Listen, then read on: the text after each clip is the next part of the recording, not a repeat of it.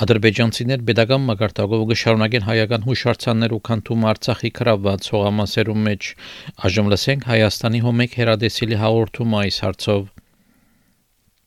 Հայաստանի ու մեկ հանրային հերադեսիլի հաղորդումները գրնակ դիտել SBS-ի World Watch հերադեսիլի 35-րդ ալիքեն բացը երկուշաբթի օրերեն ամեն օր գեսորի հետ ժամը 3-ին հաղորդումները գրնակ դիտել նաև որևէ ժամանակ SBS on demand կայքեն Հայաստանի ու մեկ հանրային հերադեսիլի հաղորդումներով էջը գրնակ այցելել նաև SBS-ի հայկական կայքեն sbs.com.au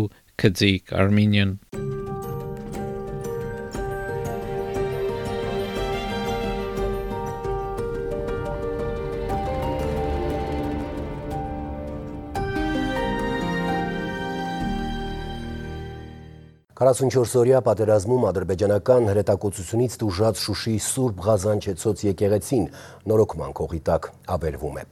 Ադրբեջանական վանդալիզմը փաստերով ներկայացրել հայկական ճարտարապետությունն ուսումնասիրող հիմնադրամի փոխտնօրենը։ Հանվել է եկեղեցու վեղարը, թողնելով բաց երկնքի տակ։ Ադրբեջանի տիրապետությանն անցած տարածքներում հայկական կոթողների պղծման ավելի քան 100 դեպք է գրանցվել։ Աղետալի վիճակի մասին զեկույց է հրապարակելու Լեռնային Ղարաբաղի մարդու իրավունքների պաշտպանը։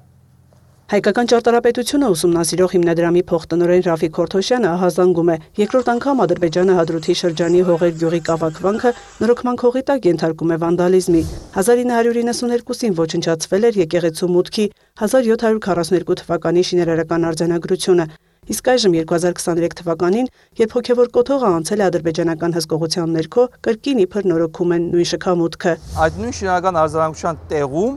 այսօր մի անճորնի քար է դեղադրում եւ դա նշում է որպես նորոգված կամ նորոգման ընթացքում, այսինքն աղավաղում է հուշարձանը եւ ինքն է ավիրել եւ հիմա էլ ինչ որ մի այլ շինություն, որի վրա արձանագրություն չկա, հետակայում կարող է նույնիսկ ինչ որ մի ձև արձանագրություն փորակրեն կամ նույնիսկ եթե չփորակրեն, դա ակնհայտորեն երևում է նրա անճորնի եւ ոչ մասնագիտական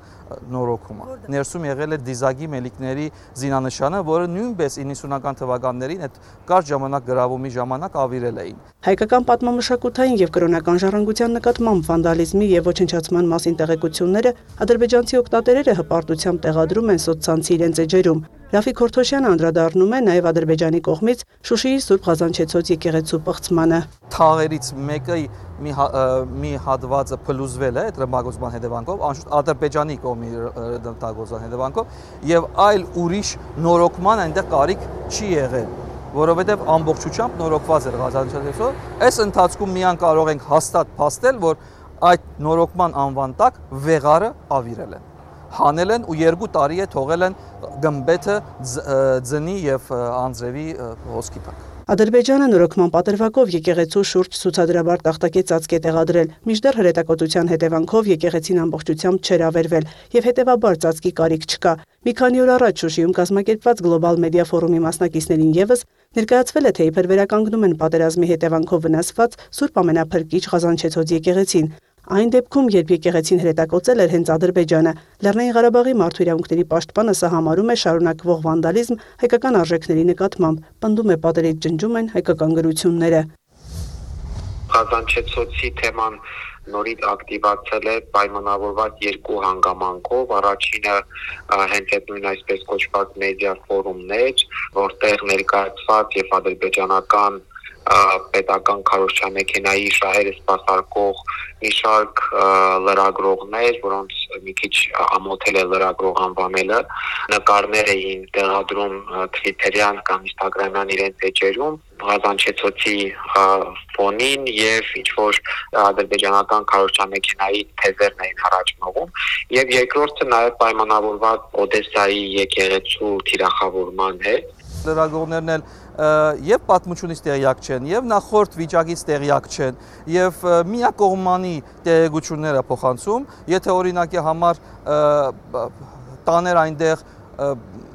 քիչ թե շատ ճարտարապետությունից կամ հուշարձաններից հասկացող մարդկանց, որոնք նաև նախապես տեղեկացված կլինեին այդ ղաջանշուշի վիճակի վերաբերյալ, կարծում եմ այնտեղ խայդարակ կլիներ ինքը։ Հայկական ճարտարապետությունը ուսումնասիրող հիմնադրամի փոխտնօրենը ասում է, վերջին 3 տարում Լեռնային Ղարաբաղում Ադրբեջանի կողմից հայկական հուշարձանների ոչնչացման, պաղծման միայն 100 փաստ իրենք ունեն։ Լեռնային Ղարաբաղի մի փաստահավաք աշխատանքի շնորհիվ արձանագրվել է մոտ 150 դեպք, այդ թվում գերեզմանների պղծման։ Պատրաստում էինք զեկույց հրապարակել, արդեն գրեթե ավարտել էինք եւ ստեղծվեց այդ հումանիտար աղետալի իրավիճակը, որոշակի իրավիճակի կայունություն լինելու դեպքում մենք կշարունակենք այս ուղղությամբ աշխատանքները։ Այդ ուղղությամբ Ստեփանյանի խոսքով աշխատում են նաև մշակութաբաններ Հայաստանից ու Սփյուռքից։ Միջազգային որոշ կազմակերպություններ եւս մշտադիտարկում են հայկական մշակութային ժառանգության նկատմամբ ադրբեջանական վանդալիզմի դրսևորումները։ Մայա Խաչատրյան, Հովանես Քյոսեյան, լուրեր։ Շարունակելով հայկական մշակութային ժառանգության թիդումնավոր գործանումի նյութը ադրբեջանցիներու կողմէ ԱԺՄ ցանասփրեմ հարցազրույցը որ կդարած էի այս տարվա սկզբնավորության պատմական գիտություններու տեխնազու եւ Հայաստանի ազգային ակադեմիայի արևելագիտության հիմնարկի դնորեն բարոն Ռոբեր Ղազարյանի հետ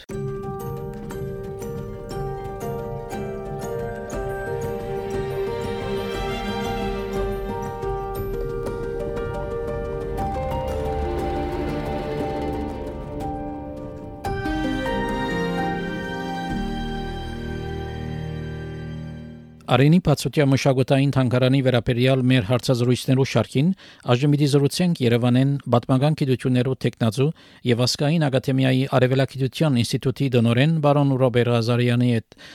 Բարոն Ղազարյան, բարի ագեսպիեսի հայկական ռադիոժամ։ Բարև ձեզ,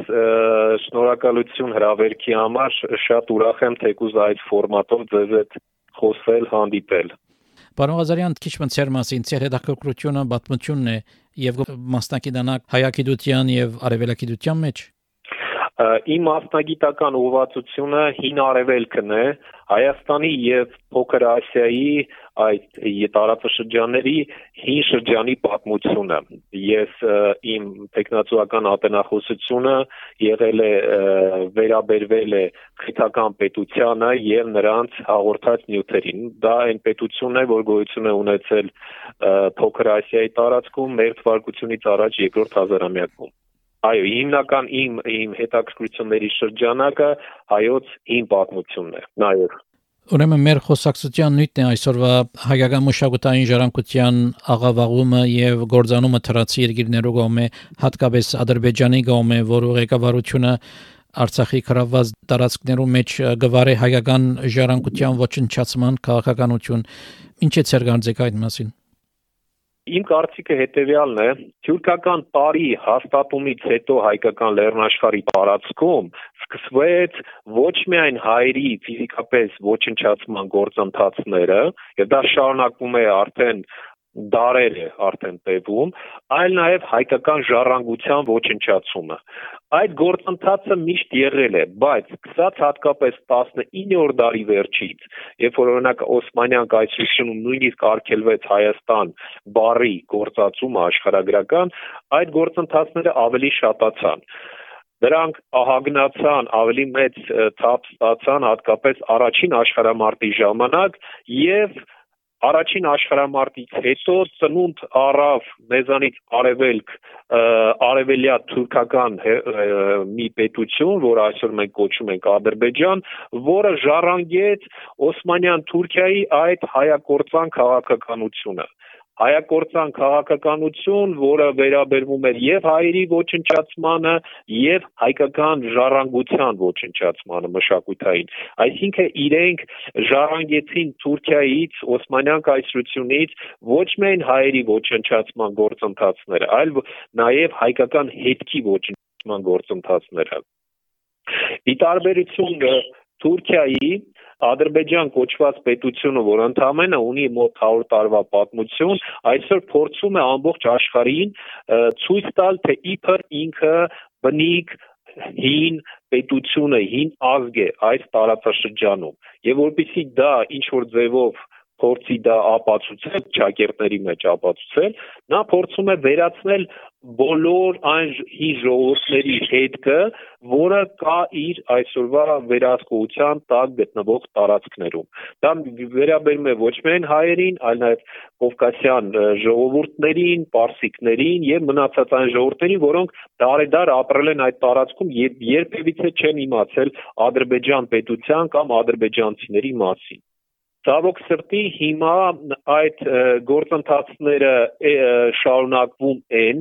եւ ցավոք սրտի աշխարհը այսպես կոչված քաղաքակիրթ աշխարհը որևէ ջանք չի թափում, որևէ գործընթաց չի վարում, որպիսի փրկի հայկական ժառանգությունը։ Եվ իրենք հանգիստ եւ վերջերս դուք հավանաբար լսեցիք, նույնիսկ պետական մակարդակով խոսվեց այն մասին, որ իրենք նպատակ ունեն այսպես կոչված աղվանական եկեղեցիների վրա, եթե հայտնաբերեն նույնիսկ հայկական արձանագրություններ, ապա իրենք գտնում են, որ դա հանգիստ կարող են վերացնել, ջնջել եւ հայկական հետքը, այսինքն իրենք չեն թաքցնում դա պետական մակարդակով իրենց ամենաբարձր պետական մակարդակով իրենք չեն թաքցնում եւ այսինքն եթե օրինակ նախկինում անում էին դա երբեմն գախնի, երբեմն թակուն, երբեմն դրա մասին խոսում էին, բան աշխատում էին չխոսել, չբարձրաձայնել, հիմա դրա նրանք նույնիսկ դրա կարիքն է չունեն, բարձրաձայնում են, պետական մակարդակով նույնիսկ չեն ակցնում, որ իրենք ոչնչացնելու են հայկական մշակութային ամբողջ հետքը, որը իրենց վերահսկողության տակ է գտնվում։ Այսօր ցավոք սրտի 20 թվականի պատերազմից հետո այնպես ստացվեց, որ հայկական մշակութային հուշարձանների նոր մի ինչ որ հատված նորից անցավ նրանց վերահսկողության տակ եւ մենք գիտենք թե արդեն ինչեր են նրանք անում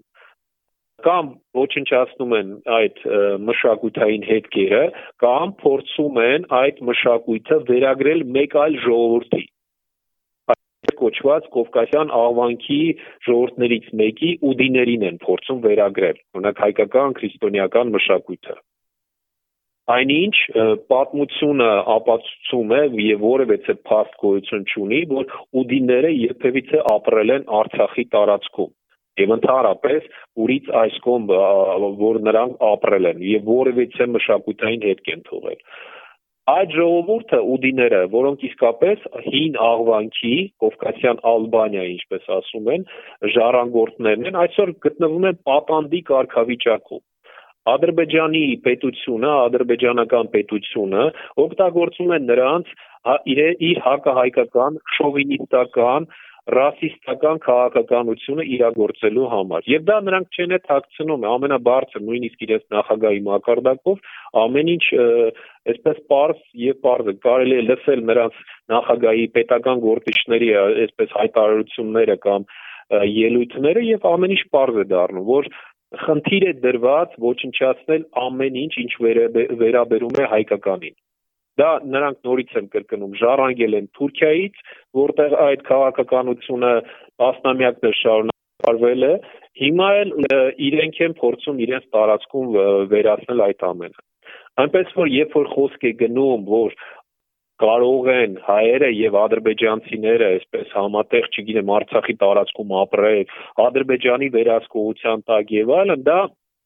մեղմ ասած իրականությանը չի համապատասխանում, որովհետեւ այդ հասարակությունը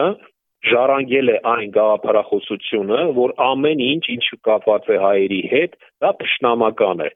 դա ճշնամունն է եւ դա պետք է ոչնչացնել այսինքն որևէ ձևով հայերը եւ ադրբեջանցիները չեն կարող որևէ տարածքում իրար հետ, հա, ընդհանուր տարածքում կամ ընդհանուր պետության մեջ ապրեն, որովհետեւ նորից եմ կրկնում ադրբեջան ադրբեջանի հասարակության մեծ մասը տրամադրված է հակահայկական, այսպես ռասիստական գաղափարներով։ Արվում է պետական ամենաբարձր մակարդակով։ Հնարավոր է հագաթարցել այդ քաղաքականության որևէ ցեվով, ասենք, pedagogan մագարտակով կամ քիդական դարբեր հարթակներով վրա։ Տեսեք, Գիտությունների ազգային ակադեմիան, քանի որ հանդիսանում է Հայաստանում ամենաբարձրագույն գիտական մտքի կաճառը, ժամանակ առ ժամանակ նման երևույթների երբ որ նման երևույթներին անդրադառնում է բայց մենք ինչպես ենք անդրադառնում մենք տպագրում ենք տարբեր լեզուներով հոդվածներ գրքեր տարածում ենք դա աշխարհով մեկ խոսում ենք դրա մասին ելույթներ ենք ունենում հայտարարություններ ենք տարածում այսինքն գիտությունների ակադեմիան իր հնարավորությունների սահմաններում նման բաների դեմ բնականաբար աշխատում է մենք ունենք ադրբեջանագետներ մենք ունենք մեր մեր մշակույթի պատմության մասնագետներ, որոնք ժամանակ առ ժամանակ հանդես են գալիս, հոդվածներ են տպագրում եւ այդ ամենը այդ ամենը գիտությունների ակադեմիան անում է։ Պետական մակարդակով արվում նույնպես արվում է Իհարկե դա իմ կարծիքով բավարար չէ։ Մենք պիտի այլ ավելի ակտիվ կերպով փորձենք օգտագործելով նաև սփյուռքի ներուժը այդ ինֆորմացիան տարածենք եւ հասանելի դարձնենք աշխարհի բոլոր կենտրոններում։ Բայց ասեմ ձեզ, դա չգիտեմ որքանով օգտակար կլինի որքանով դա կնպաստի, որ ադրբեջանցիները չոչնչացնեն հայկական մշակույթի հետքերը, չեմ կարող ասել, որովհետև եթե աշա, ինչպես ասում են, քաղաքակիրթ աշխարհը ուզենալ լսել կամ որևէ բան անել, ապա նա թույլ չէր տա դա բայց նրանք թույլ է, փաստորեն քաղաքակիրթ աշխարհը թույլ է տալիս։ Հիշենք Ջուղայի հայկական խաչքարերի, հայկական գերեզմանոցի խաչքարերի ոչնչացումը տարիներ առաջ։ Հիշում եք, Նախիջևանի տարածքում ադրբեջանցիները ուղակի այսպես տեխնիկայով ոչնչացրեցին, հավասարեցրին առանց որևէ խղճի խայթի, ոչնչացրեցին համաշխարհային մշակութային կարևոր ժառանգություն։ Դա միայն մեր, մերը չէր, կարելի ասել։ Դա համաշխարհային նշանակություն ունեցող նման բան ժառանգությունը, նման բան աշխարհում շատ քիչ կար։ Իսկ նրանք հանգիստ ոչնչացրին եւ այսօր էլ հայտարարում են, որ Նախիջևանի տարածքում երբևիցե հայերը չեն ապրել կամ հայկական ժառանգություն որևէ ձևով չկա եւ Նախիջևանը բնիկ այսպես կոչված ադրբեջանական տարածք է։ Բնականաբար որևէ պատիժ չստանալու դեպքում նրանք գնալով ավելի լկտի անում են իրենց այդ քաղաքականության մեջ դերյակ եք թե կրաված հողերով վրա վերջին պատերազմին 2 սեպտեմբեր 2029-ի հետ մինչև օրս քանի հուշարձան գործանացած Մենք տեսեք հայկական կողմը մինչև պատերազմը բնականաբար բոլոր մշակութային այդ հուշարձանները արձանագրել էր, դրանք գրանցված են մեզ մոտ եւ պատերազմից հետո այն տարածքները, որոնք անցան նրանց վերահսկողության տակ հայկական այդ տարածքները իհարկե մենք գիտենք ինչն է անցել իրենց ասել թե որքանն է դրանցից այս պահին ոչնչացված որքանն է պահպանվում դժվարանում ենք բայց դա նույնպես կարելի է ժամանակի հարցը մենք դա կպարզենք բայց փաստը այն է որ արդեն մի քանի եկեղեցիներ օրինակ հաստատ գիտենք որ ոչնչացված են Օրինակ Շուշիում եկեղեցիներից մեկը ընդհանրապես իրենք ոչնչացրեցին։ Հադրութի տարածքում նույնպես մենք գիտենք եկեղեցիներ են ոչնչացվել հայկական։ Դադիվանքում գիտեք, Դադիվանքի պատմությունը իրենք ինչ են անում, փաստացի իրենք փորձում են այնտեղ այսպես կոչված ուդի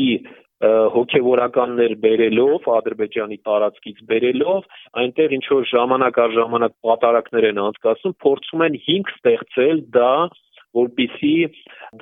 հայկական եկեղեցու խլեն հա վերցնեն իրենց վերահսկողության տակ։ Ուդիները նորից եմ կրկնում, այդ ժողովուրդ ուղակի պատանդի կարգավիճակում է գտնվում եւ այդ խեղճերը ոչինչ չեն կարող անել, ինչու, որովհետեւ եթե նրանք հակառակվեն Ադրբեջանի պետական քաղաքականությանը, իրենց ուղակի կարող են ոչնչացնել այնտեղ կամ կվտարեն Ադրբեջանից ուղակի։ Շատերի համար սա կարող է այսպես բան թվալ, բայց իրականությունը դա է այսօր մեր տարածաշրջանում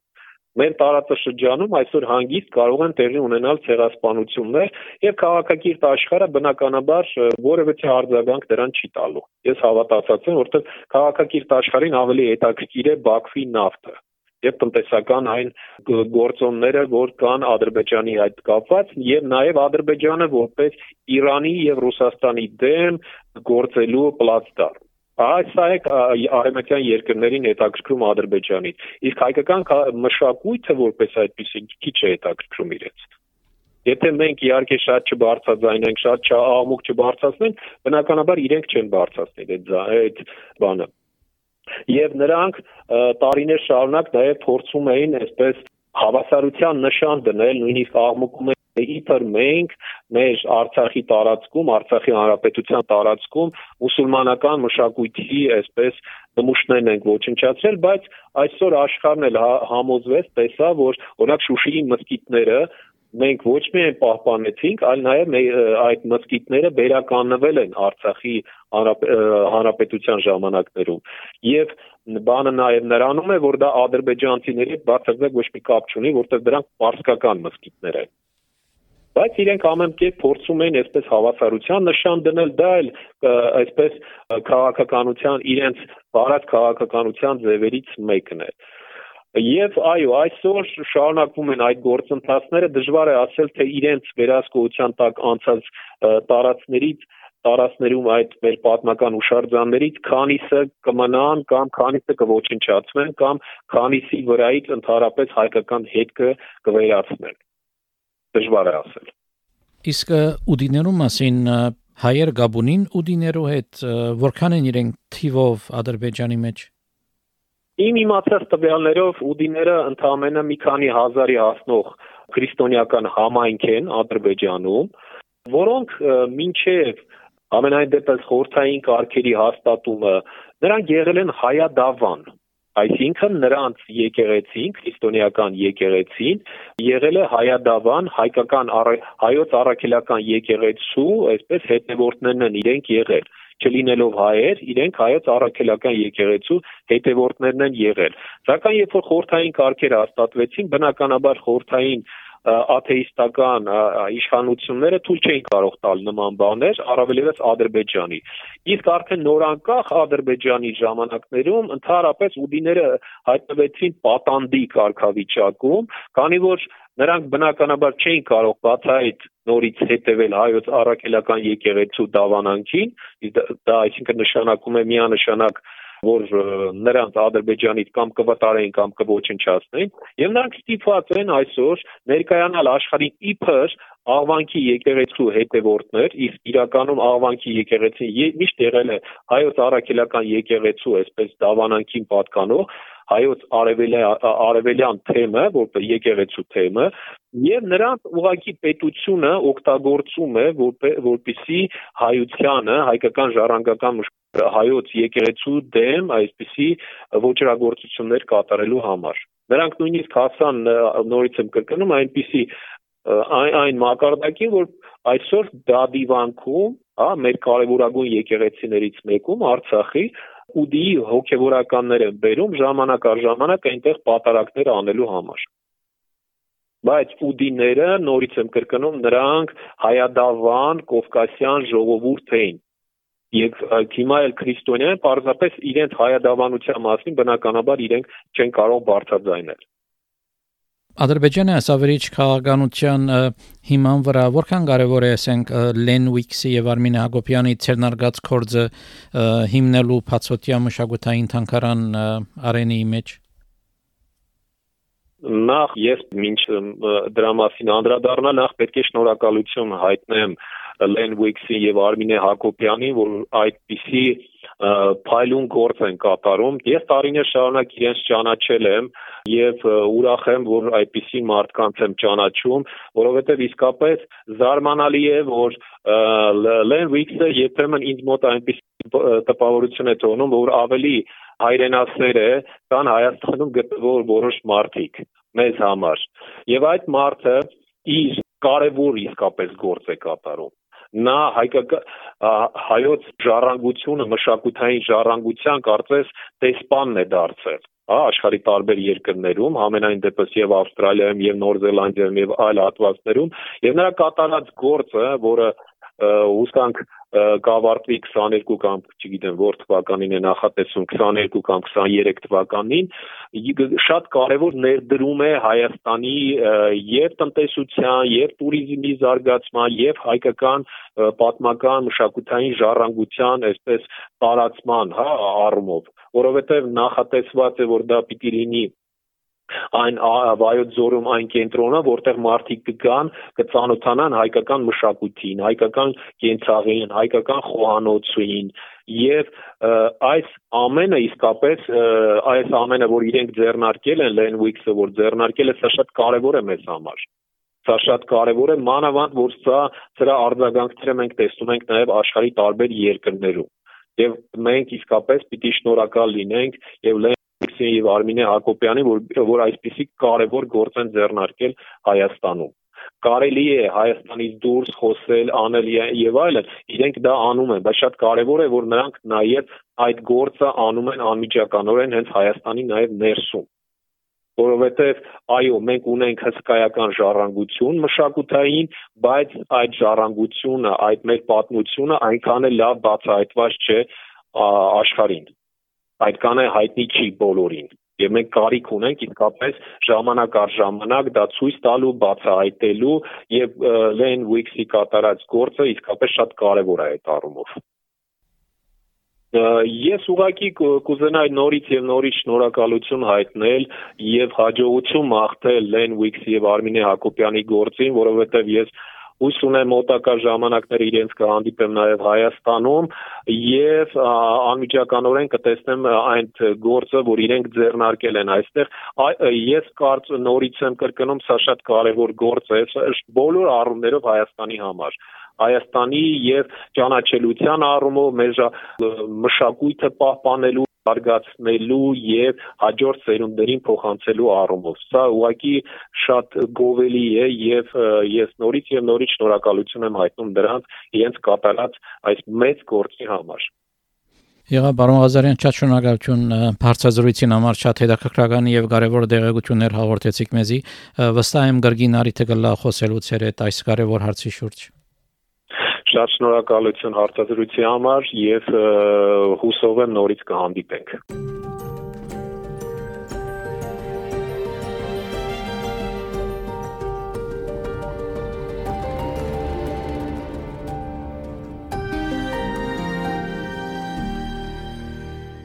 Մեր զրուցակիցներ պատմական գիտություններու տեխնացու եւ ասկային ակադեմիայի արևելագիտության ինստիտուտի դնորեն բարոն Ռոբեր Ղազարյանը